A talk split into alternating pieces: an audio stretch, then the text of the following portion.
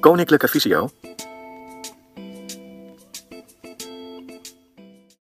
Nou, het is half acht. Dus uh, wat mij betreft uh, gaan we beginnen. Ik zie dat nog lang niet iedereen binnen is, maar goed, die, uh, die vallen er zo meteen in. welkom iedereen. Fijn dat jullie, dat jullie deelnemen aan dit webinar Oog voor werk, slechtziendheid en belastbaarheid. Um, voor iedereen die ons nog niet kent, wij zijn Koninklijk Visio. Wij zijn een expertisecentrum voor blinde en slechtziende mensen. Nou, wat is het programma verder voor vanavond? Ik ga zo meteen iedereen even kort voorstellen. Daarna gaan Rikst Kamma en Cindy Hulshoff gaan uh, wat meer vertellen over Visio Zicht op Werk, maar uiteraard met name over het thema van vanavond, slechtziendheid en belastbaarheid. Daarnaast er een Q&A-blok. Um, vervolgens volgt het ervaringsverhaal van Bram Schultingen. Daarna volgt weer een QA-blok. Eh, en is er nog kort wat, uh, wat mijn collega's gaan vertellen over de dienstverlening van Zicht op Werk. En vervolgens is er ook nog wel ruimte om wat vragen te beantwoorden. Tenminste, dat hopen we. En daarna is de afsluiting voor vanavond. Nou, wie hebben jullie tegenover je? Ik begin even niet zoals het hoort, maar met mezelf. Mijn naam is Annelies Opmeer. Ik uh, ben medewerker advies en voorlichting bij Visio in Hogeveen. En ik ben vanavond de host. Dan um, hebben wij nog mijn collega Yvonne Groenewegen. Zij is ook medewerker advies en voorlichting in Den Haag en Leiden. Yvonne, zou jij even iedereen gedag willen zeggen? Hallo allemaal, ik ben dus Yvonne Groenewegen. Dankjewel Yvonne. Dat is mijn collega Yvonne en die is voor vanavond co-host. Dus zij zal ook met name, ook als er technische problemen zijn, maar ook als er vragen in de Q&A zijn die alvast beantwoord kunnen worden, gaat zij dat doen samen met mijn collega Alice van der Hout de Vries. Zij is ook medewerker advies en voorlichting en zij is dat in Haren. Alice, wil jij iedereen ook even gedag zeggen? Goedenavond allemaal, ik ben Alice. Super, dankjewel. Dan gaan we door naar uh, de collega's van Visio Zicht op Werk. Ik begin met Cindy, Cindy Hulshoff. Zou jij iedereen ook alvast even goedenavond willen zeggen? Goedenavond, ik ben Cindy Hulshoff. Ik ben adviseur arbeid in uh, Apeldoorn bij, uh, bij Visio Zicht op Werk. en wij, heel, heel grofweg gezegd, behandelen wij alle vragen die met slechtziendheid en arbeid te maken hebben. Aan het eind zal ik daar nog meer over vertellen. Super, dankjewel Cindy. En ze doet dat samen met Rix, Rix Kamma, en die is ook van Visio Zicht op Werk. Rix, zou jij je ook alvast iedereen even goedenavond willen zeggen? Zeker, goedenavond. Mijn naam is uh, Kamma. Ik ben een collega van Cindy. Ik uh, doe hetzelfde werk als Cindy, alleen dan uh, op de locatie in, in Leeuwarden. Super, dankjewel. En last maar zeker not least, Bram Schultingen. We zijn heel blij dat Bram erbij is vanavond. Bram is ervaringsdeskundige. Bram, zou jij ook iedereen alvast goedenavond willen zeggen? Jazeker. Uh, goedenavond allemaal. Ik ben Bram. Uh, en ik zal later iets vertellen over uh, mijn historie en heden met werk, wat betreft werk. Dus Super. tot zover. Super, dankjewel Bram. Helemaal goed, dan uh, ga ik stoppen met het delen van mijn scherm en dan vraag ik Rikst of zij uh, haar scherm wil delen. En dan gaan we starten met de presentatie. Veel plezier allemaal. Zo, nou, wij gaan starten inderdaad met um, ons thema van vanavond. Dat is uh, slechtziendheid en belastbaarheid. Um, nou, zoals uh, en ik al net al benoemden, zijn wij beide werkzaam als adviseur arbeid binnen Visio. En dat betekent dat wij, nou, ons dagelijks werk houdt, uh, houden we ons bezig met alle vragen rondom arbeid. Dat kan zijn vragen op de werkplek zelf, of ook mensen die uh, aan het werk willen. Um, en wat wij eigenlijk in onze um, ja, carrière bij Visio, voor mij is dat vijf jaar, hebben gezien en ook veel gehoord de afgelopen jaren, is dat met name de energiebalans en de belastbaarheid binnen werk een, een groot thema is. Veel mensen ja, lopen er eigenlijk mee te worstelen om die balans goed te houden. En aan ons ook de taak dan om met deze cliënten te gaan kijken van hoe kunnen we, wat kunnen we inzetten binnen Visio om deze ja, belastbaarheid zeg maar, aandacht voor te geven en om daarmee aan de slag te gaan.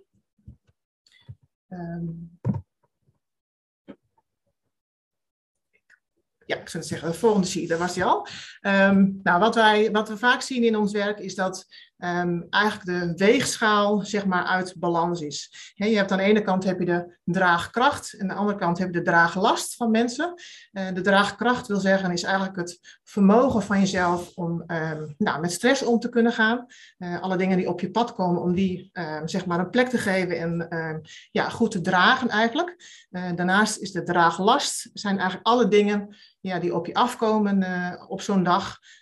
alle taken die je moet doen, alle vragen die je, op je afkomen, waar je eigenlijk iets mee moet doen. Ehm, en ja, eigenlijk als die draagkracht en die draaglastbalans, of die weegschaal uit balans is, Ehm, nou, dan ontstaat er eigenlijk een probleem.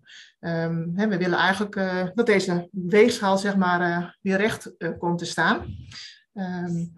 Nou, wat we vaak zien, als, als, wat de gevolgen vaak is van een, een disbalans tussen draagkracht en draagbalans. of, ja, de balans is, is ten eerste is dat het tempoverlies vaak optreedt bij mensen in werk. Mensen moesten vaak meer uren gaan werken om eigenlijk hun uh, taken uh, te compenseren, uh, die je reguliere werknemer wel doet in hetzelfde, in hetzelfde tijdspad. nou, dit levert over het algemeen veel vermoeidheidsklachten op. nou, ten eerste kost lezen kost, kost nou eenmaal veel energie. en als je dan ook nog al dat soort dingen moet gaan compenseren, kun je je voorstellen dat vermoeidheid uiteindelijk gaat, gaat optreden. nou, eigenlijk door deze uh, klachten uh, horen wij vaak dat mensen uh, minder energie overhouden voor activiteiten naast hun werk. Mensen komen na, naast hun zes of achtuurige werkdag komen ze vaak thuis. Nou, de, meeste, de meeste mensen hebben bijvoorbeeld thuis een gezin, een partner, sportactiviteiten die ze graag willen um, bijhouden, sociale contacten. En je merkt dat daar eigenlijk geen energie meer voor is. En dat mensen nou, bijvoorbeeld op de bank belanden s'avonds voor de televisie of, of niet. Of gaan slapen bijvoorbeeld. Hè? Dus de, de, de, echt de leuke dingen ook naast het werk, ja, die, die, die blijven er gewoon bij. Nou, wat we verder zien is dat men ook wel lichamelijke klachten ontwikkelt. Um, hè, als je inderdaad meer moeite moet gaan doen om dingen goed te kunnen zien, om dingen goed te kunnen lezen. En ook als er vermoeidheid optreedt, nou, dan ga je ook compenseren in je fysieke houding. Je kunt je voorstellen dat je misschien meer naar het scherm toe gaat staan. Uh, je moet meer met je hoofd draaien om dingen goed te kunnen zien. Uh, je gaat verkrampt achter je scherm zitten, uh, waardoor er hoofdpijn, nekpijn of rugpijn kan optreden. Nou, verder zien we dat ook mensen vaak wel psychische klachten kunnen ontwikkelen. Ik zei, ik nu allemaal dingen die natuurlijk uh, niet, bij iedereen, niet bij iedereen voorkomen, maar het zijn dingen die wij zien en die kunnen uh, ontstaan. Uh, psychische klachten kun je je voorstellen dat um, er misschien teleurstelling voorkomt in je werk, hè, omdat het niet meer lukt om alle dingen te doen zoals je die graag wil doen. Um, mensen maken zich zorgen over het perspectief in werk. Hè. Lukt het mij wel om het vol te houden? En stel dat het niet lukt, wat dan? Um, nou, en ook de prognose van de oogaandoening speelt natuurlijk vaak een grote rol. Hè? Psychische klachten zijn, uh, ook al is er geen werk, uh, het, is, het is gewoon een, best een belasting hè? Om, om met een oogaandoening aan te, om te gaan, om, om ook niet te weten waar het, nou, waar het naartoe gaat, uh, om zo maar te zeggen. Nou, al deze factoren, al deze um, items, nou, die kunnen leiden tot een, eh, een, een, eh, een uitval, tot ziekteverzuim. En dit kan natuurlijk eh, deels zijn. En wij zien heel vaak dat mensen voor de helft zich ziek moeten melden, omdat het gewoon allemaal niet meer lukt. Maar er zijn ook mensen die volledig uitvallen. Um, nou, en dat willen we eigenlijk binnen Visio toch zien te voorkomen, ja, om dus die, um, ja, die weegschaal in balans te krijgen. Nou, de volgende sheet is een, uh, is een filmpje. Uh, dit, we willen jullie even een filmpje laten zien van een, um, een, een, meneer die werkt als godsdienstleraar. En daarnaast is hij ook uh, decaan. Um, en dit filmpje geeft eigenlijk heel mooi weer ja, hoe je als werknemer zeg maar, functioneert binnen een werkzetting. En wat je eigenlijk allemaal kunt doen. Um, nou, om het jezelf makkelijker te maken, om het werk beter vol te kunnen houden. Ja, wie kan het beter vertellen dan iemand die het aan de, aan de lijve zelf ondervindt. Dus um, als het goed is, gaat het filmpje nu uh, starten.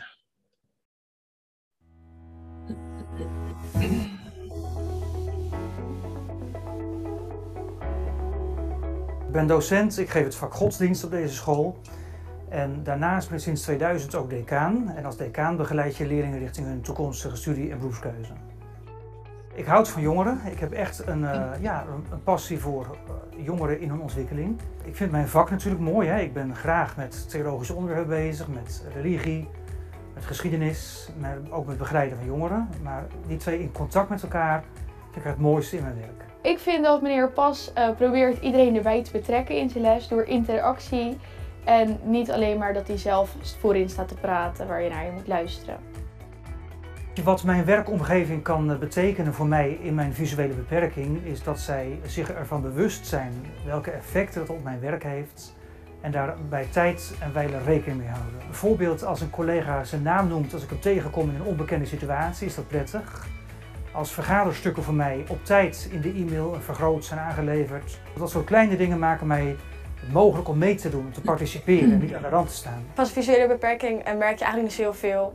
Ehm, alleen dat je bijvoorbeeld door de klas moet praten, dat hij je gezicht niet ziet en dat hij dan niet ziet dat je je hand opsteekt. Maar voor de rest merken we er eigenlijk helemaal niks van.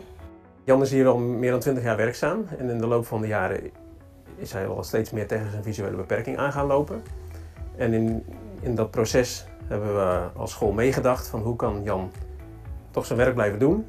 En dat heeft ertoe geleid dat hij wel minder lessen is gaan geven, omdat lesgeven heel intensief is met een hele groep leerlingen voor je. Uh, en meer individuele uh, begeleiding van leerlingen geeft, dus op het gebied van decanaat. En daar is hij geweldig sterk in, uh, één op één. In mijn decanaat is het leuk als je met, uh, met kinderen, met jongeren kunt opdenken richting een toekomst. En zij moeten natuurlijk zelf een belangrijke keuze maken en voor velen van hen is dat een hele grote vraag en best wel een worsteling. En dan is het heel mooi om hen daarbij te helpen. Soms ben je net een beetje psycholoog. We hebben hem ook als decaan. En uh, vorig jaar heb ik mijn vakkenpakket gekozen. Daar heeft hij me heel goed bij geholpen. En hij is heel geïnteresseerd, hij heeft altijd tijd voor je. Ik heb uh, regelmatige gesprekken hebben wij met hem en dan uh, geeft hij ons tips mee hoe we het onderzoek het beste aan kunnen pakken. En ook uh, in de tussentijd mailt hij ons allemaal dingen door waar we naar kunnen kijken. Dus hij is echt heel erg betrokken met ons onderzoek en onze werkwijze. Ik loop met een taststok. Die heb ik niet echt nodig, ik kan zonder. Maar het spaart me enorm veel energie. Als ik de taststok gebruik, dan hoef ik niet naar de grond te kijken of er toevallig een schooltas ligt of een leeg limonadepakje of wat ook. Hè. Uh, daarnaast heeft die stok me enorm geholpen in het herkenbaar zijn als visueel gehandicapte. Dat is niet leuk. In het begin ben je geneigd om dat wat te verstoppen. Dat wil je eigenlijk liever niet. Maar het helpt wel enorm omdat je omgeving juist daardoor zich ook op jou kan instellen. En daarnaast hebben we ook voor de, voor de lessituatie aanpassingen gedaan. Zoals bijvoorbeeld uh, andere belichting en andere uh, gordijnen, laten we zeggen, waardoor de lichtinval beter is. En met al die aanpassingen is het voor jou mogelijk om uh, les te blijven geven. Verder heb ik uh, wel een kleine visueletloop die ik regelmatig pak als ik echt een heel klein lettertype moet lezen. En ja, weet je, de iPhone kan tegenwoordig zoveel functies van hulpmiddelen vervangen. Je kunt met de telefoon ook een, een, een magazine of een boek fotograferen en dat uit laten spreken. Die rekentoets afgeschaft. Ik denk dat steeds meer hulpmiddelen eigenlijk in je telefoon gaan zitten in de toekomst. Wat ik als tip zou willen meegeven is om vooral jezelf te zijn ga je niet overschatten. Want de verleiding is zo groot om als persoon met een visuele beperking te doen alsof die er niet is. En om jezelf te overschreven. Om alles te willen doen full speed op het tempo dat de omgeving ook doet. Als je dat doet, overvraag je jezelf dusdanig dat je, tenminste was mijn ervaring, snel bent opgebrand. Je doet jezelf geen recht, je omgeving geen recht, dus wees jezelf, je toon je grenzen. Dat is misschien niet zo leuk, maar zou je het wel het langste vol.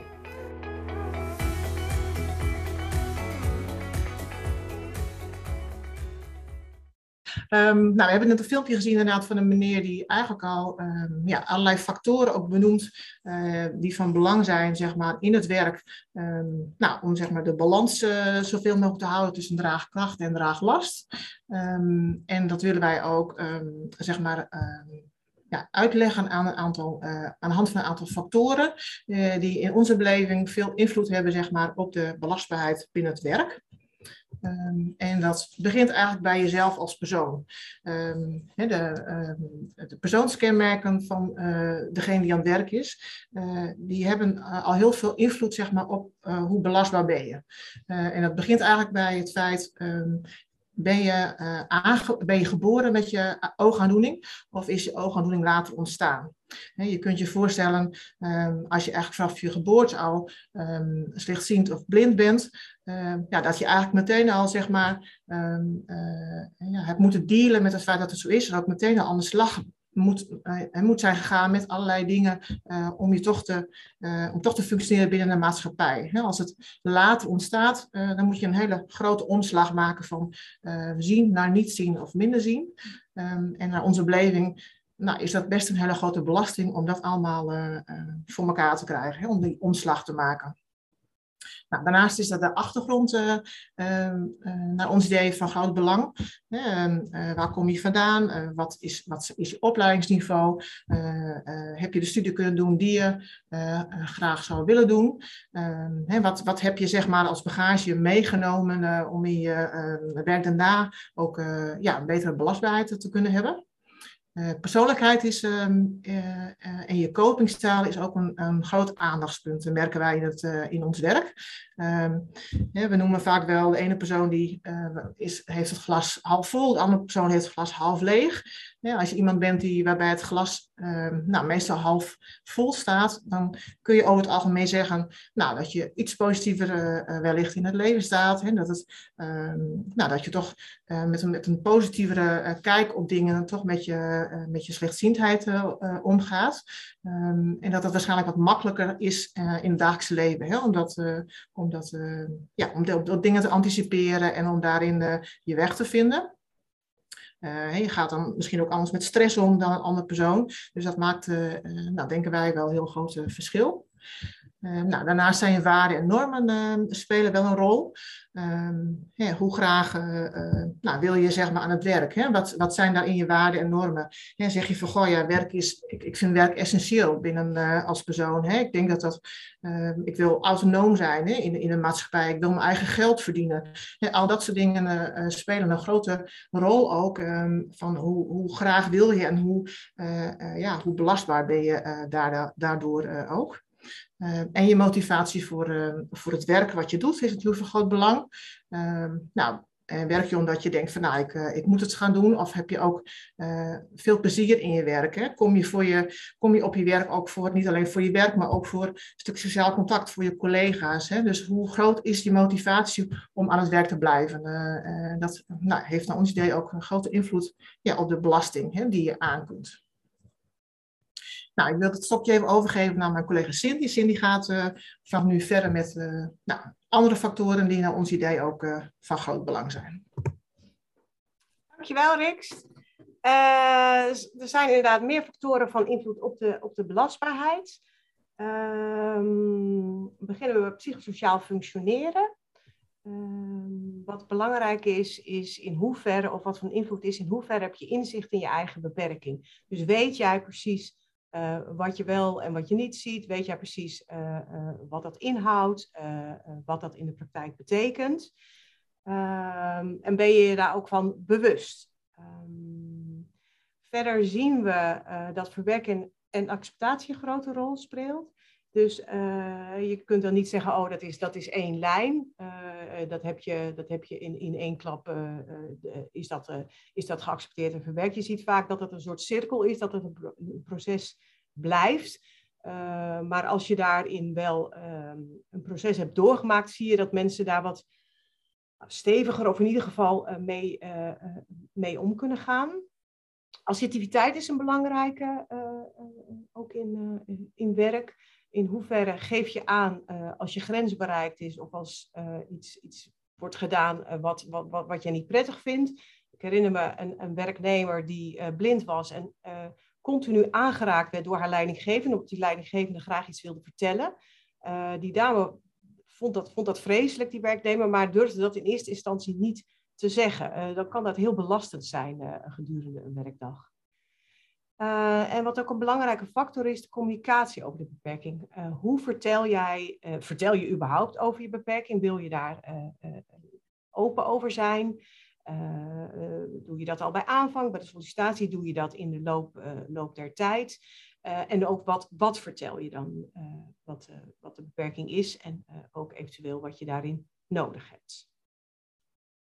Gaan we naar de, de arbeidsomstandigheden. Dat is ook weer dat is het volgende rijtje van factoren die een, die een rol spelen in de belastbaarheid. Heb je een vaste werkplek of heb je een, uh, een plek in bijvoorbeeld de kantoortuin? je ziet dat dat de laatste tijd uh, heel erg in opkomst is, was. Uh, maar waarbij het voor iemand met een visuele beperking pittig is om de hele tijd op een andere plek te zitten, om niet de juiste lichtinval te hebben of om eventuele hulpmiddelen niet, niet bij de hand te hebben. Dus terwijl als iemand een vaste werkplek heeft en dit allemaal op orde kan hebben, dat dat wel energie scheelt of rust geeft. Thuiswerken uh, horen we verschillende verhalen over. In eerste instantie hoor ik veel slechtziende werknemers aangeven dat ze de coronatijd zwaar vonden, omdat ze veel beeldschermwerk deden, dus veel achter een computer zaten en dus heel visueel bezig waren. Terwijl je op kantoor af en toe een praatje hebt of een gesprek hebt of een overleg, dus wat minder visueel bezig bent of beter kunt afwisselen. Maar ik sprak vorige week uh, een van jullie, een, een, een blinde uh, werknemer, die juist aangaf: Ik vind het prettig om veel thuis te werken. Want dan werkt mijn spraak optimaal, uh, daar wordt niet, ik, ik word daar niet in gestoord.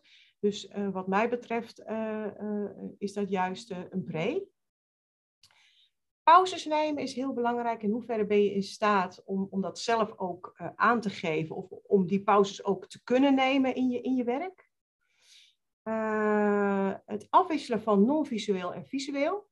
Uh, je ziet dat dat, dat dat heel belangrijk is om zo'n dag vol te houden, om je energie uh, op, op, peil te houden. Dus kun je, hè, heb je werk waarbij dat ook kan, waarbij je dus ook even niet visueel aan de slag moet, maar juist teksten kunt luisteren, gesprekken kunt voeren, telefoongesprekken kunt voeren, overleggen waarbij je dus dat visuele niet zo, niet zo op de voorgrond hebt. Aanpassen werkinhoud. Je zag in het filmpje ook al dat daarover wordt gesproken van bepaalde taken zijn, zijn misschien wat minder prettig of handig of niet haalbaar. Is het mogelijk om, om daar met een werkgever over in gesprek te gaan om bijvoorbeeld een bepaalde taak niet meer te doen en juist bijvoorbeeld, hè, dat zag je ook in het filmpje, één op één taken juist, juist wel als, als, als decaan. Dus één op één in gesprek met leerlingen. Toegankelijkheid, in hoeverre is jouw werkplek toegankelijk? Dus kun je makkelijk bij je werkplek komen? Letterlijk uh, liggen er bijvoorbeeld obstakels of werk je ergens achterin op de, op de vijfde uh, verdieping? Collega's, uh, ook een belangrijke in, in, in, de arbeidsomstandigheden. Zijn het collega's die jou in, in, in van alles begeleiden en ook taken van je overnemen. Soms misschien ook te veel. Of zijn er collega's die, die nou ja, op een prettige manier zich collega tonen. Gaan we naar het volgende rijtje van, van factoren die ehm, van invloed zijn op belastbaarheid. En dat zijn vaardigheden. We noemen dat ook wel compenserende vaardigheden. In hoeverre ben je in staat te compenseren? Dan zie je dat ICT-vaardigheden en met name typvaardigheid, dus blind kunnen typen, uh, snel toetsen kunnen gebruiken, spraak kunnen gebruiken, helpend is om enigszins energie te besparen. Je ziet als je en op je toetsenbord moet kijken en de muis moet zoeken en alles leest, dat dat vermoeiend is en dat het nou ja, een pre is als je dat blind kunt typen en sneltoetsen kunt gebruiken. Het gebruik van hulpmiddelen, in hoeverre ben je handig in het gebruik van je, van je hulpmiddelen, eventueel een, nou, de ICT natuurlijk, maar ook een beeldschermloop of een, een ander soort loop. In hoeverre ben je vaardig in oriëntatie en mobiliteit? We zagen net in het filmpje ook hoe de uh, leraar-decaan door de, door de, de hal uh, ging. heb je daarin training gehad of heb je dat meermalen geoefend? Um, ook dat is een belangrijke vaardigheid.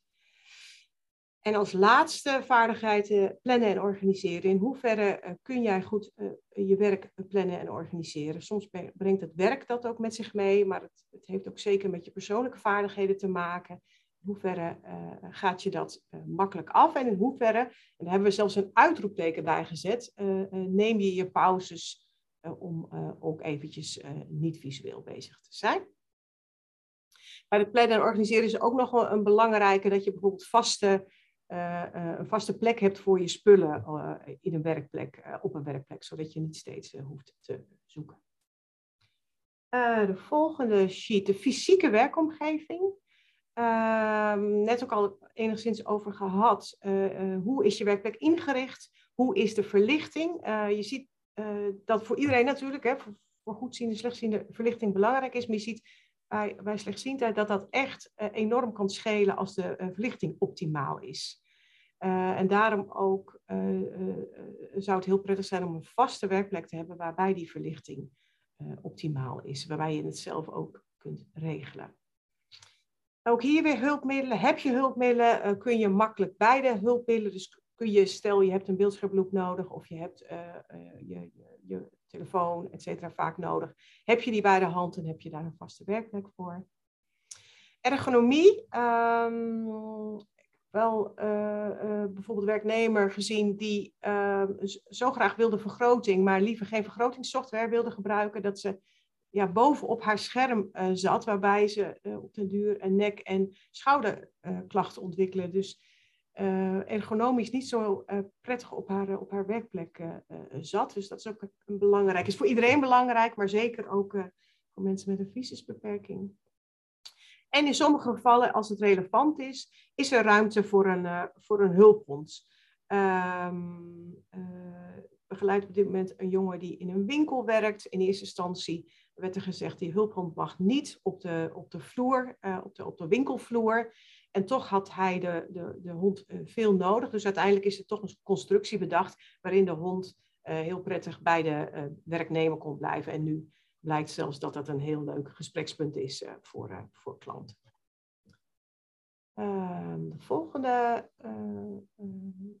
sheet, dan, dan vatten we het even samen. Dus welke factoren zijn van, invloed op de belastbaarheid? We persoonskenmerken besproken, psychosociale functioneren besproken arbeidsomstandigheden, de vaardigheden en de fysieke werkomgeving. Wat we natuurlijk uh, willen is dat de, de balans, dus de, uh, de weegschaal die we net ook zagen, uh, enigszins in balans is. en de factoren die we net genoemd hebben, die, die dragen daaraan bij.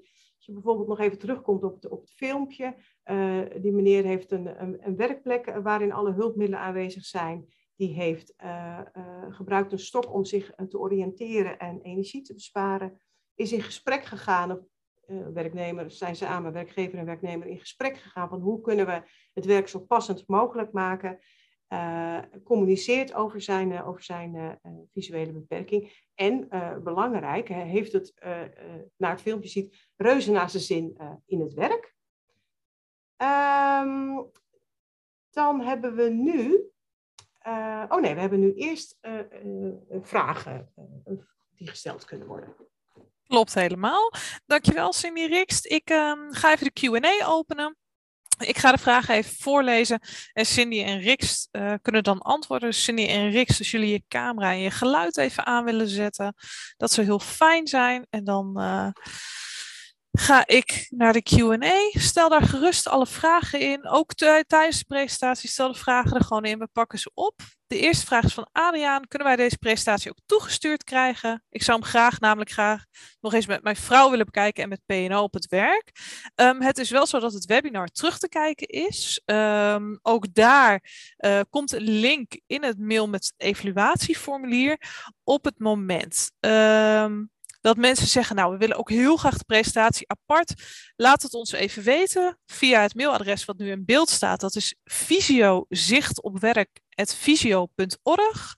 Dus visio zicht op werk visio.org. Laat het ons daar even weten en dan kunnen we dan ook altijd nog even de presentatie apart sturen. Um, dus om het samen te vatten, webinar is terug te kijken. De link volgt nog bij de evaluatie. En um, heeft u echt behoefte om de presentatie apart nog toegezonden te krijgen, stuur dan even een mailtje naar Visio Zicht op Werk. Um, vervolgens heb ik iemand die vraagt: Is computerwerk iets voor slechtzienden, zoals een website bouwen, programmeren, apps bouwen en zo ja, hoeveel uur per dag of per week? Nou, ik, uh, ik, probeer even een antwoord te geven op deze vraag.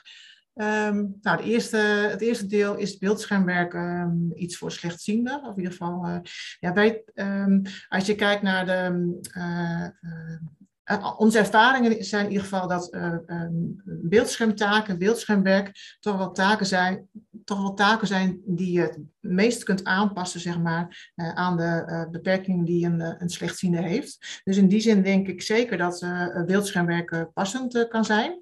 Um, het hangt natuurlijk wel van af met wat voor soort programma's moet je, moet je werken en wat is precies de oogaandoening hè, waar je mee kan.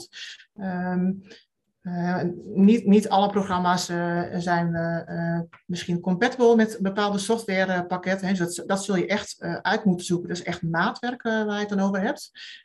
maar ik denk zeker dat beeldschermwerk heel goed te combineren is met een, met een visuele beperking. En op de vraag die u stelt van, goh, ja, hoe, hoeveel uur is dat dan mogelijk? Hè? Hoe lang kan ik dat achter elkaar doen? Ja, dat is is heel moeilijk om dat vanuit dit perspectief, zeg maar, om daar antwoord op uh, te geven. Ja, dat hangt eigenlijk uh, ja, met allerlei factoren samen. Ook eigenlijk de factoren die we al eerder benoemden. Van, hè, wat, wat zijn uh, de, de, andere randvoorwaarden hè, waar, je, nou, waar je mee te maken hebt. Hè? Wat, wat, wat voor werkwerk heb je? Wat voor werk is het precies? Um, nou, nogmaals, wat, wat, wat is de aandoening uh, die, die er speelt? Dus dat, dat zul je echt ja, per situatie moeten bekijken. En dat zul je ook echt moeten ervaren. Hè? Mensen vragen ons wel vaker deze vraag ook van... Goh, ik denk alsjeblieft met me mee van hoeveel uur ben ik belastbaar? maar dat zul je toch ja, ook moeten ervaren, hoe dat dan, hoe dat dan werkt.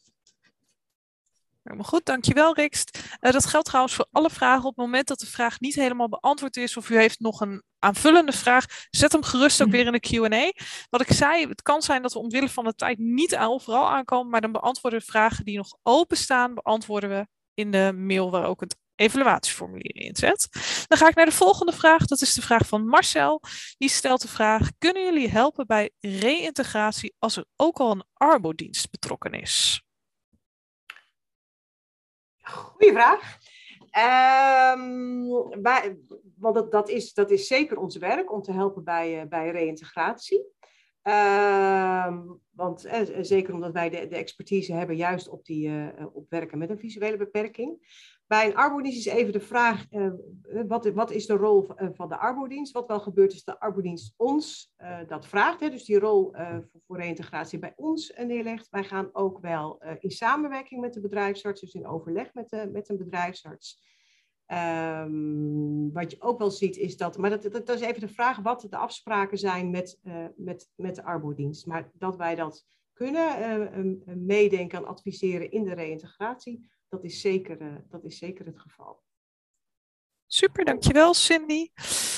Um, dan kom ik bij de volgende vraag. Dat is denk ik nog een vervolgvraag van Adriaan. Kan iemand van Visio ook eens mee met mij om samen een gesprek te voeren met mijn werkgever, omdat ik verwacht dat jullie een en ander beter kunnen uitleggen dan ik? Ja, ik denk dat dat zeker um, een vraag is die uh, ook heel veel uh, naar voren komt.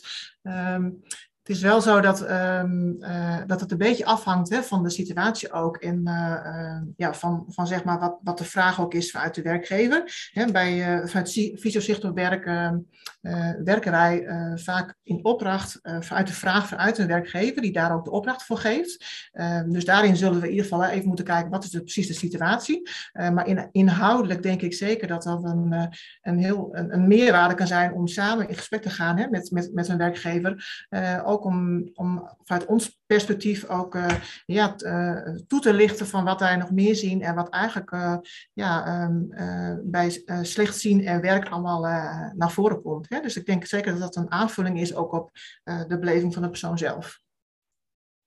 Dankjewel, Rikst. Dan heb ik een vraag van Petra. Is het webinar voor iedereen na te lezen, zoals leidinggevende en PNO? Nou, volgens mij kan ik die vraag uh, zelf wel even beantwoorden. Hoeft Rix of Cindy niet per se te doen. Ja, uh, de link naar het webinar, de opname van het webinar, krijgt u dus in de mail. Maar kunt u ook op kennisportaal.visio.org kunt u uh, het webinar terugvinden. En die link is gewoon te delen. U mag het webinar delen. Dat is geen enkel probleem. Dus um, ook leidinggevende, PNO, HRM, noem het maar op, kunnen allemaal het webinar terugkijken als de link gedeeld wordt. Ik hoop dat dat vraag beantwoordt. Zo niet, uh, stel hem gerust nog een keer of nog een, uh, een extra vraag. Um, ik ga nu even naar de laatste vraag, want uh, we lopen al wat uit qua tijd. Dat is de vraag van Richard. Is er een verschil in arbeidsbelastbaarheid tussen mensen die op jonge leeftijd al een visueel probleem ten opzichte van mensen die op volwassen leeftijd een pas dit ontwikkelen? Ja, het is denk ik ook uh, na, uh, naar aanleiding van het stukje ook wat Rikst al aan het begin uh, aangaf. Hè, van, van, dat het een factor is die zeker speelt. Uh, dan moet je me corrigeren als het goed is, want ik, of, of als, je, als je denkt dat het niet goed is. Ehm, ik denk dat mensen die blind geboren zijn of jong een visuele beperking hebben gekregen, op, ook op jonge leeftijd dus hebben kunnen anticiperen daarop.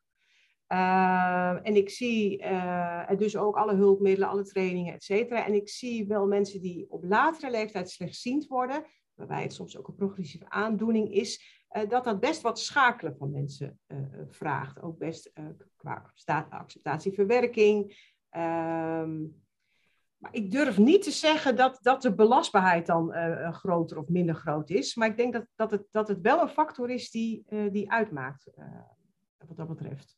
Ik weet niet Riks of jij daar nog een aanvulling op hebt. Want... Nee, ik denk, denk, ik denk zeker dat ik, uh, ik ben met je eens inderdaad. Ik denk ook wel, wat je noemt, het stukje uh, acceptatie, dat, dat zie je vaak wel, het, het, het overkomt mensen ineens. Hè? Dat, dat de situatie ineens uh, soms 180 graden zich omdraait en daar moet je dan wel even mee zien te dealen. Hè? Dus ik denk dat op dat moment, nou, dat het veel energie kost en, en dat je daar op dat moment ook de ruimte en de tijd voor moet nemen hè? Om, om die schakel te maken. maar goed, hoe, hoe je het daarna denk ik oppakt en uh, dat, ja, dat, dat, is misschien per persoon wel afhankelijk van hoe, uh, hoeveel het uh, op de belastbaarheid drukt. Hè? Dus dat is inderdaad ook wel weer individueel, denk ik. Dank jullie wel, Rix en Cindy. Um, ik zei, ik, dat zijn de laatste vragen, maar er staan er nog twee volgens mij die we ook redelijk snel kunnen beantwoorden. Dus die wil ik toch graag nog even met jullie doornemen. Als iedereen uh, hopelijk het goed vindt dat we iets uitlopen. Er komt er namelijk een vraag binnen van, ik werk niet als werknemer, maar haal opdrachten binnen voor mijzelf. En ik vermoed dat de vraag dan is, kan visio-arbeid dan ook ondersteunend zijn? Um, probeer ik even te, uh, precies helder te hebben wat precies uh, de vraag is. Uh, hebben we dan over een stukje onderaannemerschap? Ik zit even te zoeken van wat dan precies de, uh, de vraag is. Uh, ik denk een zelfstandige ja. die opdrachten zelf ja. binnenhaalt. Uh, dus misschien kan die persoon die de vraag stelt heeft nog iets meer, uh, iets meer uitweiden in de Q&A. Dan gaan we ondertussen even naar de, naar de volgende vraag. Als diegene dat nog even wat uitgebreider in de Q&A wil zetten, komen we daar zo op terug. Mm-hmm. en dan de laatste vraag is van Marcel. Jullie kunnen dus niet in consult komen alleen op aanvraag van de werknemer. Werkgever is verplicht die consult bij jullie aan te vragen. Ja, dat heeft, dat heeft, ik denk dat, dat uh, Marcel uh, uh, aan het checken is of ook voorborduurt op, op het verhaal van Rix, dat wij ja. inderdaad in opdracht moeten werken van een werkgever of het UWV. Dat is ook een, een opdrachtgever voor ons. Ehm, en dat, dat klopt wel inderdaad. Er moet ergens wel een, een opdracht zijn om, om het werk te gaan doen. Dus we kunnen niet zomaar uh, elke organisatie uh, afstappen, maar het is, ik kan me ook nog voorstellen dat je een eerste gesprek hebt bij een werkgever met een werknemer. Uh, dat gebeurt ook nog wel eens oriënterend. Maar het idee is inderdaad dat er een opdracht is waarin we de dienstverlening kunnen uitvoeren. Ja, en ik, ik, ik kan me ter aanvulling ook denk, bedenken, hè, Mars, ik richt me even op Marcel, weet je, neem anders nog eens even contact met ons op, hè, na het dat we gewoon dat misschien ook iets meer kunnen toelichten en ook samen met jou kunnen kijken van, hoe kun je dat dan het beste aanvliegen. Ik denk dat dat wel ja. waardevol is. Ja, mooie aanvulling, ja. dankjewel Cindy Rix. Het contact opnemen met Cindy en Rix kan dus ook via het mailadres visiozichtopwerk.visio.org. Um, degene die de vraag stelde over um, ik werk niet als werknemer, haal opdrachten binnen voor mezelf. Dat is ook degene die de vraag stelde over computerwerk, zoals het bouwen van website, programmeren, apps bouwen. En daar staat onder, ik werk niet als werknemer, maar haal opdrachten binnen voor mezelf. Ja, ja, dus ik, in, in dat geval kan ik me voorstellen dat, dat die, die persoon dan ook de opdrachtgever is hè, voor, een, uh, voor een, um, een stukje advies dat wij geven. Dus wij werken op offertebasis, normaal gesproken, hè, dat de, de werkgever of de opdrachtgever een offerte ontvangt voor de diensten die wij uh, gaan leveren. En in dit geval kan ik me voorstellen dat er dan een offerte wordt gemaakt voor uh, die persoon met het eigen bedrijf. Ja, uh, uh, en dat die dan op die manier ons, ja, ons inhuurt. Zo, zo, zie ik het dan, denk ik, inderdaad. Helemaal goed. Dankjewel, uh, Rikst en Cindy. Dit is omwille van de tijd even de laatste vraag die we nu beantwoorden. Andere vragen komen we of misschien later in het webinar nog aan toe, of we beantwoorden ze sowieso in de mail. Um, ik wil graag het woord weer geven aan, aan Rikst en Cindy. Ja, dankjewel. Ehm, nu is het eh, de beurt aan eh, onze ervaringsdeskundige, eh, Bram Schulzingen. Bram is jurist en werkzaam als beleidsmedewerker bij de provincie Drenthe. En hij zal zelf zijn ervaringen met jullie delen. Bram, wat mij betreft, kun je starten. Goedenavond allemaal. Ehm, ik hoop dat iedereen mij kan zien en kan horen op dit moment.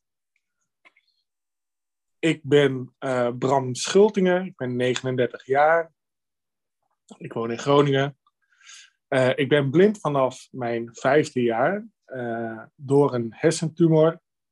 die is, daar ben ik van genezen, die is verwijderd. Maar tijdens de operatie is er iets misgegaan.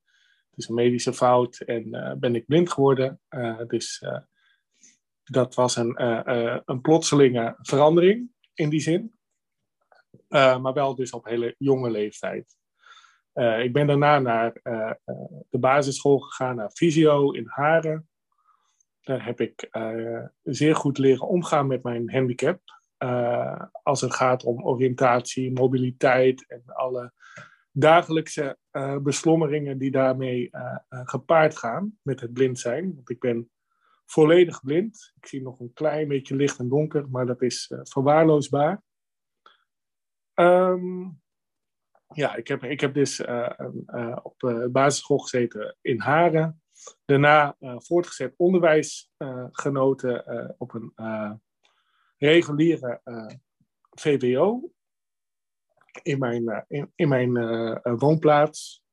en uh, daarbij hebben mijn ouders een hele grote rol gespeeld. Die hebben mij altijd redelijk, of redelijk tot zeer zelfstandig uh, opgevoed. Uh, zeer in die zin dat ik werd gestimuleerd om te leren en ook onafhankelijk te zijn. Dus mijn autonomie werd heel erg gestimuleerd. dat heeft me heel veel gebracht. En uh, zoals ik later zal vertellen, ook wel het een en ander gekost. Uh, maar dat is voor later. Ik ben uh, redelijk vloeiend door mijn voortgezet onderwijscarrière gegaan. Ik was niet de meest vlijtige leerling, maar ik heb er wel van genoten, in ieder geval. Daarna ben ik rechten of geschiedenis gaan studeren in eerste instantie, omdat daar mijn uh, mijn interesse lag. Mijn, en uh, ik heb daarbij bij die studiekeuze niet echt gekeken naar of het een haalbare uh, studie was of een, een, geschikte studie om te doen. daarbij komt ook dat het alweer een tijdje geleden is dat ik ben begonnen met studeren. En dat de technologie en de toegankelijkheid van zowel studie als werk in die tijd, en dat gaat om nou ja, zo'n uh, dikke twintig jaar geleden, dus rond 2000, was echt ongelooflijk uh, anders dan het nu is. Uh, ik ben eh, na een kleine drie jaar geschiedenis studeren een beetje of, vastgelopen, flink vastgelopen, omdat het studiemateriaal of niet uh, toegankelijk was, of er gewoon überhaupt niet was voor mij. In digitale zin of in, uh, of in, in braille. Ehm, goed om te weten, inderdaad, ik werk dus met een, een laptop en een braille leesregel en spraak. Voor velen wel herkenbaar waarschijnlijk. Um, ik, nou ja, goed, ik heb een aantal jaren dus geschiedenis gestudeerd, maar uiteindelijk vastgelopen op de beschikbaarheid van bronnen en eh, eh, het doen van onderzoek. Dat, eh, dat, dat werd op een gegeven moment nou, niet, was niet meer mogelijk. Of dat kostte me zoveel tijd en moeite om alles te organiseren qua het vooruit plannen van wanneer ga ik wat onderzoeken en wat heb ik daarvoor nodig. ja, dat dit eigenlijk niet, niet meer te doen was. Toen heb ik een keuze gemaakt die in eerste instantie wel een beetje vreemd lijkt. Ik ben rechten gaan studeren. Zullen jullie denken, ja, dat is toch ook wel een hele hoop lezen, leeswerk en, en opzoekwerk en uh, in ieder geval heel veel tekst. Maar het voordeel daarvan is dat uh, de wet kenbaar moet zijn voor iedereen. Dus uh, het meeste ook in nou, redelijk toegankelijke vorm ook beschikbaar is in, in, digitale vorm. En destijds werkte, was dat nog met gebruik van CD-ROMs. Dus ik had al mijn wetboeken en, en, en sowieso alle handboeken op CD-ROM. En het voordeel van de studierechten was, die waren er ook gewoon.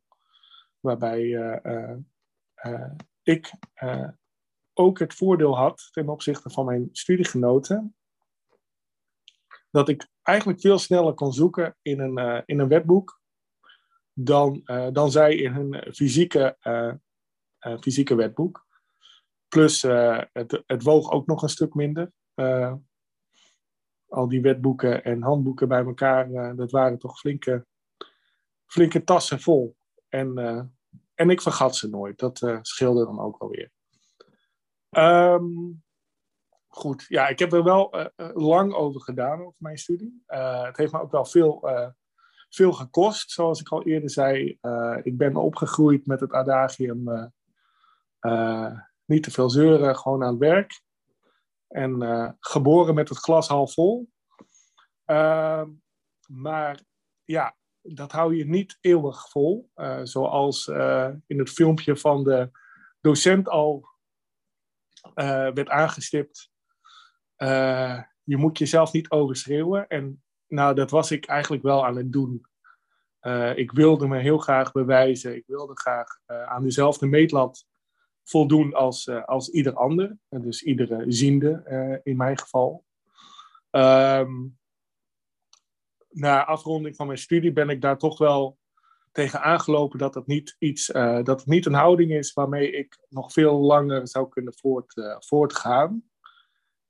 Um, ik heb, nou ja, ik ben me gaan bezinnen op, op hoe nu verder. Uh, want ja, dan heb je een studie afgerond. Maar ik wilde natuurlijk ook een baan. Ik wilde ook aan het werk. Ik wilde er, er iets mee doen. Of ik wilde in ieder geval een, een actieve maatschap, maatschappelijk, maatschappelijke deelnemer zijn. en het liefst met een, een, betaalde baan. Niet dat dat altijd het summum is, maar dat gold voor mij wel. Um, ik heb, uh, nou ja, uh, hoe ik ermee om ben gegaan is, uh, nou, ik ben te raden gegaan bij een psycholoog onder andere om hierover te praten, wat mij heel erg geholpen heeft.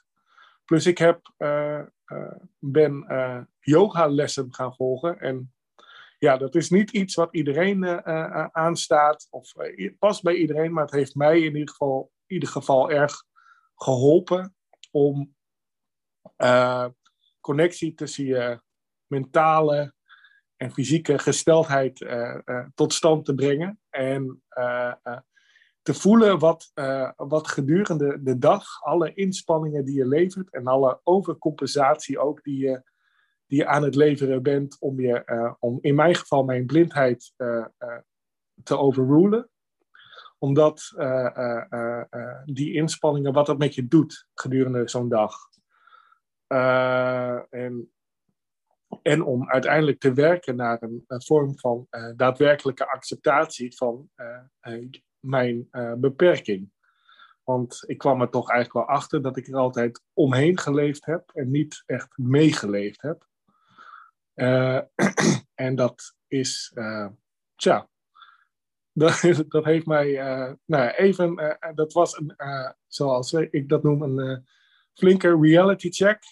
even, dat heeft me even op mijn plaats gezet. En, maar tegelijkertijd is het ook heel goed geweest voor mij om dat te realiseren. Om dat ook in perspectief te zetten. Ehm, en nu mijn stap richting, richting daadwerkelijk een baan krijgen, ik ben een reïntegratietraject bij Visio gaan volgen. En daaruit is al heel snel gekomen dat ik aan het werk kwam. In 2016 is dat bij de provincie Drenthe. Ehm, ben daar in eerste instantie als jurist bij het eh, team subsidies eh, aan de slag gegaan, afdeling subsidies. En eh, ik werk nog steeds bij de provincie Drenthe, inmiddels op een andere afdeling. Maar wel met heel veel plezier. En het brengt mij heel veel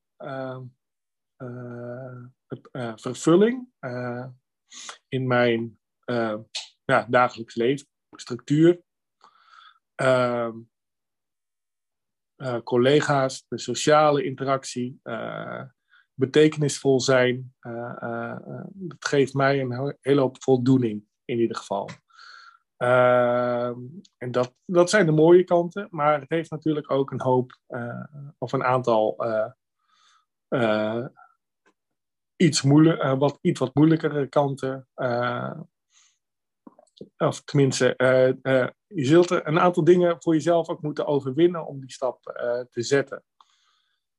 Um, en dat, die acceptatie, waar ik het eerder over had, speelt daar een hele grote rol bij. Um, ja, even verder over mijn, mijn huidige, huidige baan en de omstandigheden waarin, waarin ik nu werk en wat ik daarin geleerd heb over het je verhouden tot anderen en, en, en tot jezelf, wat je zelf kunt ik herken me heel erg in het, in het verhaal van de, van de docent. Die zegt, je moet jezelf niet overschatten. daarbij wil ik ook wel aantekenen dat je jezelf ook zeker niet moet onderschatten. En dat is een, een, een, balans die je, die je gaandeweg moet gaan vinden. Ehm, um, even kijken hoor. Wat mijn, mijn volgende punt is mijn arbeidsomstandigheden uh, die, die ik bij aanvang van mijn, van mijn werk heb, heb, nou ja, heb aangetroffen, was inderdaad ook een, een, een open, open kantoortuin. En het eerste wat ik daarbij heb gevraagd is een vaste werkplek. En ik kan dat niet, niet genoeg benadrukken hoe belangrijk dat is. Want je hebt een aantal dingen waarop je energie kunt besparen. En dit is dan wel een van de meest gemakkelijke. En zeker omdat dit, dit voor de werkgever ook uh, vrij gemakkelijk te realiseren is. Um, daarnaast is het ook zo dat heel veel mensen ook waarde hechten aan hun eigen werkplek. Dus in de praktijk is zo'n flexibele uh, uh, kantoortuin lang niet zo flexibel als, als, als de ontwerpers van dit concept van tevoren hadden bedacht. En daarnaast, al, tenslotte, uh, er wordt ook wel een beetje teruggekomen van dit concept, omdat het, het levert niet alleen onrust voor, ja, voor iemand die het niet ziet op, maar ook voor de zienden en voor de mensen zonder beperking, levert het ook een hoop onrust op. Dus ik ben daarbij ook wel een beetje een soort van kanarie in de kolenmijn geweest destijds. Van goh, ja, het is eigenlijk wel. Iedereen vindt het gewoon lekker om op een, een vaste plek te zitten. Uh, en wordt dat ook meer geaccepteerd. Dus ik zou zeggen, begin met een vaste werkplek. dat scheelt gewoon een hoop energie. Hoef je niet te zoeken. en dat, dat is gewoon een goede besparing. Bram, ik onderbreek je heel, heel eventjes. We hebben nog uh, vijf minuten ongeveer in jouw blokje uh, qua tijd. Dus uh, nou, dan weet je even qua tijd. Oh, dat, dat is prima. Ja, okay. dat is prima. Dan, dan komt het goed. Um, verder. Um, ja, je, je, wat ik wel belangrijk vind in, uh, op de werkvloer, is dat je je open opstelt richting collega's over, over je beperking. Dat is niet altijd even leuk en even makkelijk. Um, maar het heeft mij wel een hele hoop opgeleverd. In die zin dat het de drempel voor mensen lager maakt om je te benaderen. Um, en het levert een hoop empathie op. Um, mensen uh, in, in op hun beurt worden ook opener naar jou toe. En dat is ook, dat is niet altijd direct in professionele zin ehm, een, een, ehm, een element of, een, of, of, van belang, maar wel als collega's onderling werkt, dat wel, werkt dat wel goed. Mijn mijn komst binnen, binnen het team bij de provincie Drenthe heeft ook wel opgeleverd dat het team in het geheel ook socialer werd. Doordat men zich nou, een, een beetje om mij ging bekommeren, maar ook om, omdat ja, ze, mensen meer om, zich meer om elkaar gingen bekommeren, om het zo te zeggen. verder nou, ik heb een geleidehond. Dat is ook een enorme sociale factor op de werkvloer ge eh, gebleken. Uh, is geen probleem. Wel goed om het daar heel duidelijk over te zijn. Ehm, de fysieke werkomstandigheden. Nou ja, een vaste werkplek heb ik al genoemd. Maar dan komt vervolgens komt het ICT-vraagstuk. dat is een enorme energieslurpende aangelegenheid, vind ik. Uh, want ik ben zelf geen expert, maar ik ben wel afhankelijk van experts die dan weer geen expert zijn op mijn beperking. Dus dat is vaak een, een hele lastige toestand. Wat hierbij wel helpt, is gewoon zorgen dat je één vast contactpersoon hebt, die uiteindelijk zich, nou ja, die, die al lerende, al doende, leert van jou leert jouw wensen en behoeften te kennen. En dat je het verhaal niet de hele tijd opnieuw hoeft te doen. Wat betreft wat je nodig hebt op de werkvloer. Um, en heb nog een, een, puntje over mezelf, waar ik zelf wel tegenaan ben gelopen. Is het plannen en organiseren op de werkvloer. of binnen, binnen, binnen je werk. Um, ik, ik, het, toen ik ging werken, ben ik voor het eerst een agenda bij gaan houden. En ik dacht op dat moment, oh, die agenda die is voor mezelf, om, om, te, om, om te kunnen nakijken van wat ik, wat ik moet doen. Maar het bleek natuurlijk ook een, een, een, een middel te zijn dat anderen konden kijken wat jij deed. Wat jij, jij aan het doen bent.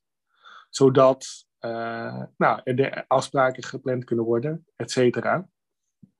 Um, ja, dat, dat, had ik in het begin niet zo door. Ik dacht, nou, oké, ik doe het wel lekker. Ik, ik, ik onthoud ook veel, dus ja, ik weet gewoon wel waar ik mee bezig ben. Maar goed, ik, ik heb om kort te gaan geleerd om alles gewoon transparant in je agenda te zetten, zodat iedereen kan zien wat je doet. ook om toch ook te laten zien wat je doet. Want daar was ik ook niet zo goed in. En dat blijkt toch best wel belangrijk te zijn dat, om ook af en toe even je moment te pakken in een vergadering. of of via je agenda te laten zien hoe druk je, hoe druk je het hebt. daar wordt toch wel eens naar gekeken. en dat is niet het meest belangrijke, maar ik ben er dus wel heel eventjes tegenaan gelopen. Um, ja, volgens mij ben ik er nu wel zo'n beetje doorheen. Uh, en ik uh, hoor graag of er nog vragen zijn. Dankjewel Bram. Ik uh, ga inderdaad weer even naar de Q&A. Als jij je camera en microfoon nog even aan wil laten, ja. op het moment dat er ook vragen voor jou zijn, dan zal ik het aangeven. Dus als er mensen ook vragen aan, aan Bram wil stellen, dan kan dat. Gonnie, wij zien jouw vraag zeker in de als we de route en de dienstverlening van Visiozicht op werkt gaan uh, doornemen. Ik zie dat er een vraag binnenkomt. Wat bedoelt Bram met ICT-AUB? Heb ik niet goed begrepen. Bram, inmiddels is wel jouw camera en jouw microfoon uit. Dus als je die weer aan zou willen zetten en uh, dan de vraag zou kunnen beantwoorden. Dus dat, wat bedoel jij met ICT? Ja, sorry. Uh, dat is zo'n afkorting geworden in mijn leven dat ik daar helemaal niet bij stilsta dat er, dat, dat enige uitleg behoeft. Misschien. nee, dat gaat over de, alles wat, wat gaat over computers. ik werk met een laptop. die laptop moet op het netwerk van de werkgever kunnen. En ik moet met de software om kunnen gaan die de werkgever gebruikt, die ik bij, de, bij het werk nodig heb om mijn werk te doen. En daar, zijn een aantal, daar zijn flink wat aanpassingen voor nodig geweest. En dat is nog steeds uh, niet een uh, afgesloten verhaal. Uh, omdat er gewoon heel vaak dingen veranderen in, in, in, computer, in de computerwereld. Mensen gaan andere programma's gebruiken. dus dat, dat bedoel ik met het ICT-verhaal. En misschien aanvullend, Bram, jij bedoelt ook je. Hè... Dat de verbinding wat slecht is, of ligt dat aan mijn computer? Dat klopt inderdaad. Uh, Wacht even. is slecht. Ik, ik, ik, kan, eh, ik, ik denk dat ik weet wat Cindy wilde gaan zeggen. Um, in het kort. Oké. Okay. Ik gebruik, uh, ik gebruik uh, spraak en braille. En het, wat ik bedoel met ICT en, en hoe, dat zich, hoe, hoe, de spraak, hoe mijn spraak en mijn braille omgaan met de programma's die de werkgever gebruikt. Dus Klopt. Ja. Kan ik hiermee werken? Oh, daar ben je weer. Klopt, ja. We zijn het met elkaar eens, Bram. Ja. Okido. En nu gaan we uh, naar het laatste stukje. We kort nog even iets eh, toelichten over de dienstverlening van, uh, van Visio-zicht op werk.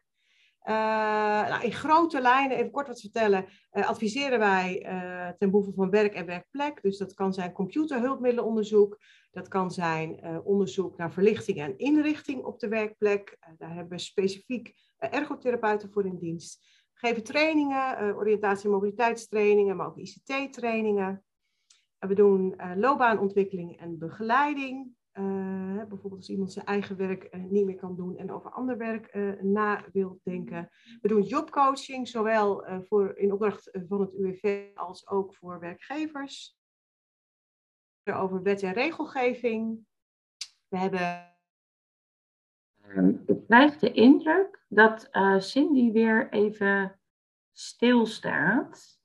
Um, Rix, heb jij goed. Ik ben er.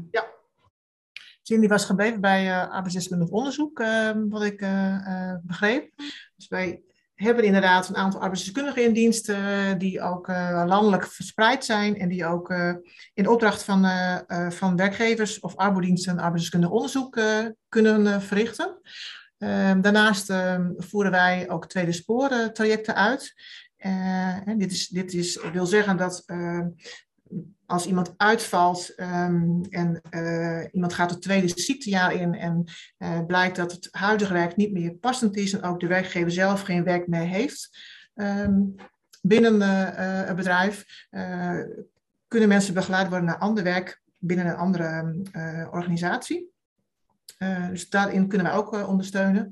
Um, na het tweede ziektejaar um, uh, is de VIA-procedure aan de orde. Dit wil zeggen dat mensen voor een keuring gaan bij het UWV voor een VIA-uitkering. hierbij kunnen wij mensen ondersteunen. We kunnen helpen bij het invullen en aanvragen van de VIA en ook meegaan naar het UWV om gesprekken te voeren samen. Um, en als laatste voeren wij in opdracht van UWV eh, trajecten uit. Dat kunnen trajecten zijn um, nou, om mensen te mobiliseren, mensen die nog niet toe zijn aan werk, maar al wel um, willen nadenken over wat ze kunnen, wat hun belastbaarheid is, welke vaardigheden er nodig zijn, uh, om dat te onderzoeken. Maar ook kunnen we ondersteunen in het uh, vinden van een werkplek die passend is bij de visuele beperking gaan we naar de laatste sheet, zo'n beetje. Um, nou, wij werken als uh, adviseurs, arbeid werken wij uh, landelijk. We hebben een aantal regionale kantoren um, in de landen, waaronder bijvoorbeeld Haren, Hogeveen, Leeuwarden, Herugewaard, maar ook in Goes bijvoorbeeld en in Sittard. Dus we zitten in die zin overal. Um, en wij pakken ook regionaal zeg maar, de vragen en opdrachten op van, van, in, in die regio. Uh, we hebben ook onderling veel contact met elkaar. Uh, we wisselen uh, veel kennis uit. Um, hè, wat de een niet weet, weet de ander wel weer. maar ook per regio zijn dingen vaak ook verschillend. Dus het is heel goed om regionaal zeg maar, werkzaam te zijn ja, binnen Visio. Um, nou, Annelies heeft al eerder even genoemd. We hebben een eigen e-mailadres. Um, op via deze weg kunt u zich uh, aanmelden uh, voor, een, uh, ja, voor een vraag richting arbeid. of voor algemene vragen. Of als u zegt van, goh, ik, wil niet, ik weet niet helemaal zeker. Kan ik wel terecht bij jullie? Hoe, hoe, hoe vlieg ik dat aan? stuur een mailtje en ja, wij nemen contact met u op om daarover samen te sparren. En ik wil um, ook even gebruik maken van het feit, dat er stond nog een vraag open van uh, Gonnie, wat ik van mijn collega's uh, begreep.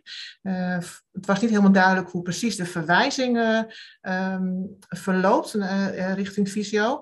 Um, of in ieder geval Visio zicht op werk. Hè. Binnen Visio hebben we twee sporen. We hebben hierbij de privé-hulpvragen en we hebben Visio op werk. Het zijn de arbeidsvragen.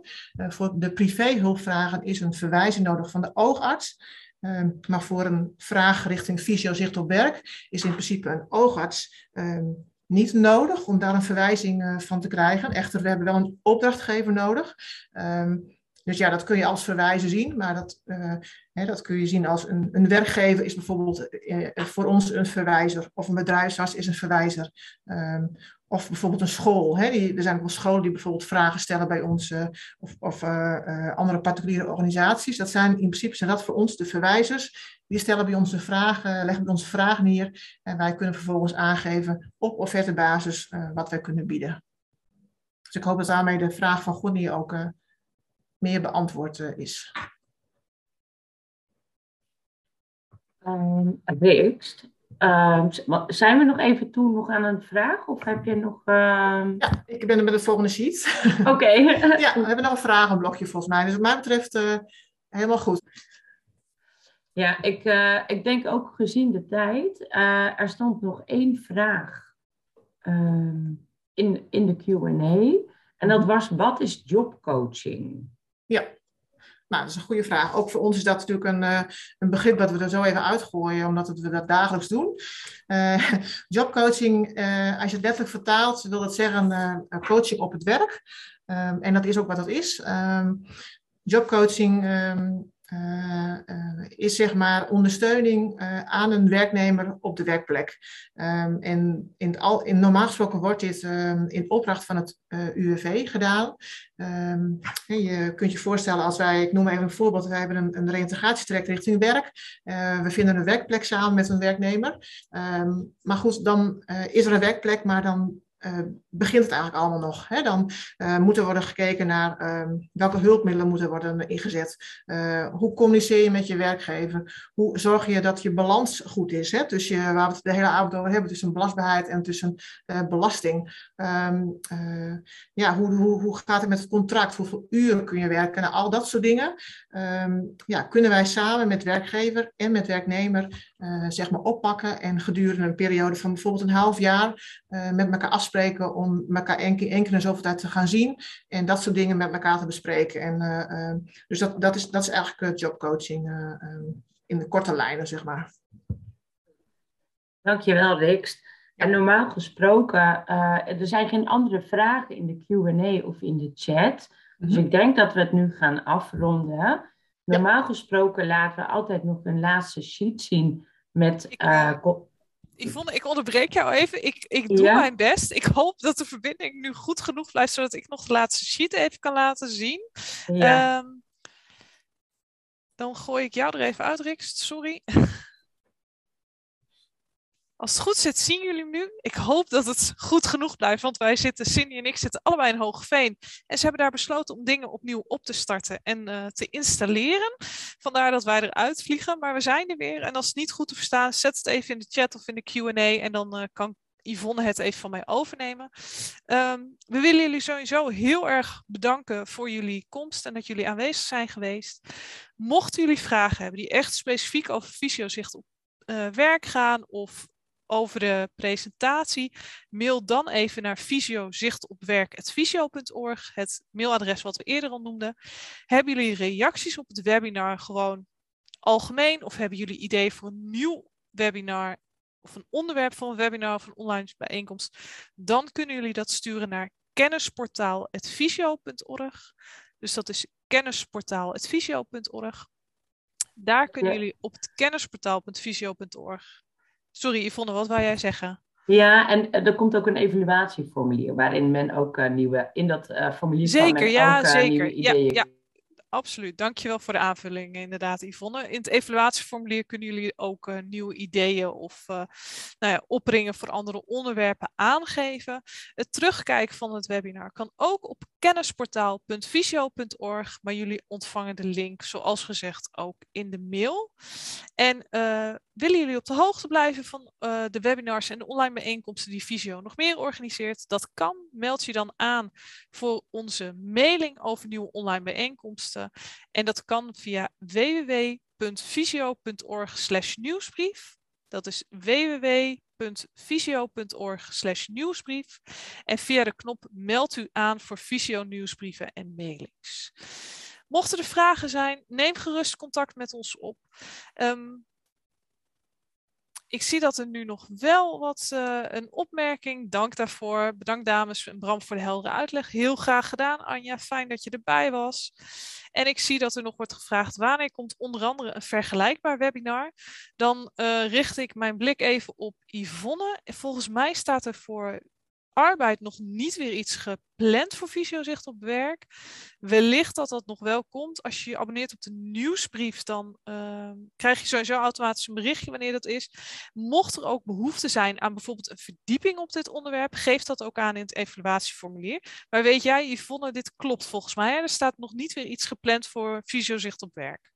Voor Visio-zicht op werk staat nog geen webinar gepland, maar ik kan me voorstellen dat er best wel uh, behoefte is aan antwoorden op misschien wel persoonlijke vragen. En uh, geef dat ook aan als, als er behoefte is aan een verdiepend webinar of misschien een interactief. Misschien kunnen we ook uh, denken aan een uh, vraag- en antwoord webinar. Dat is dan meer een soort in een meetingvorm. Maar geef dat vooral aan. En dan gaan wij daar weer kijken of we dat weer kunnen gaan organiseren.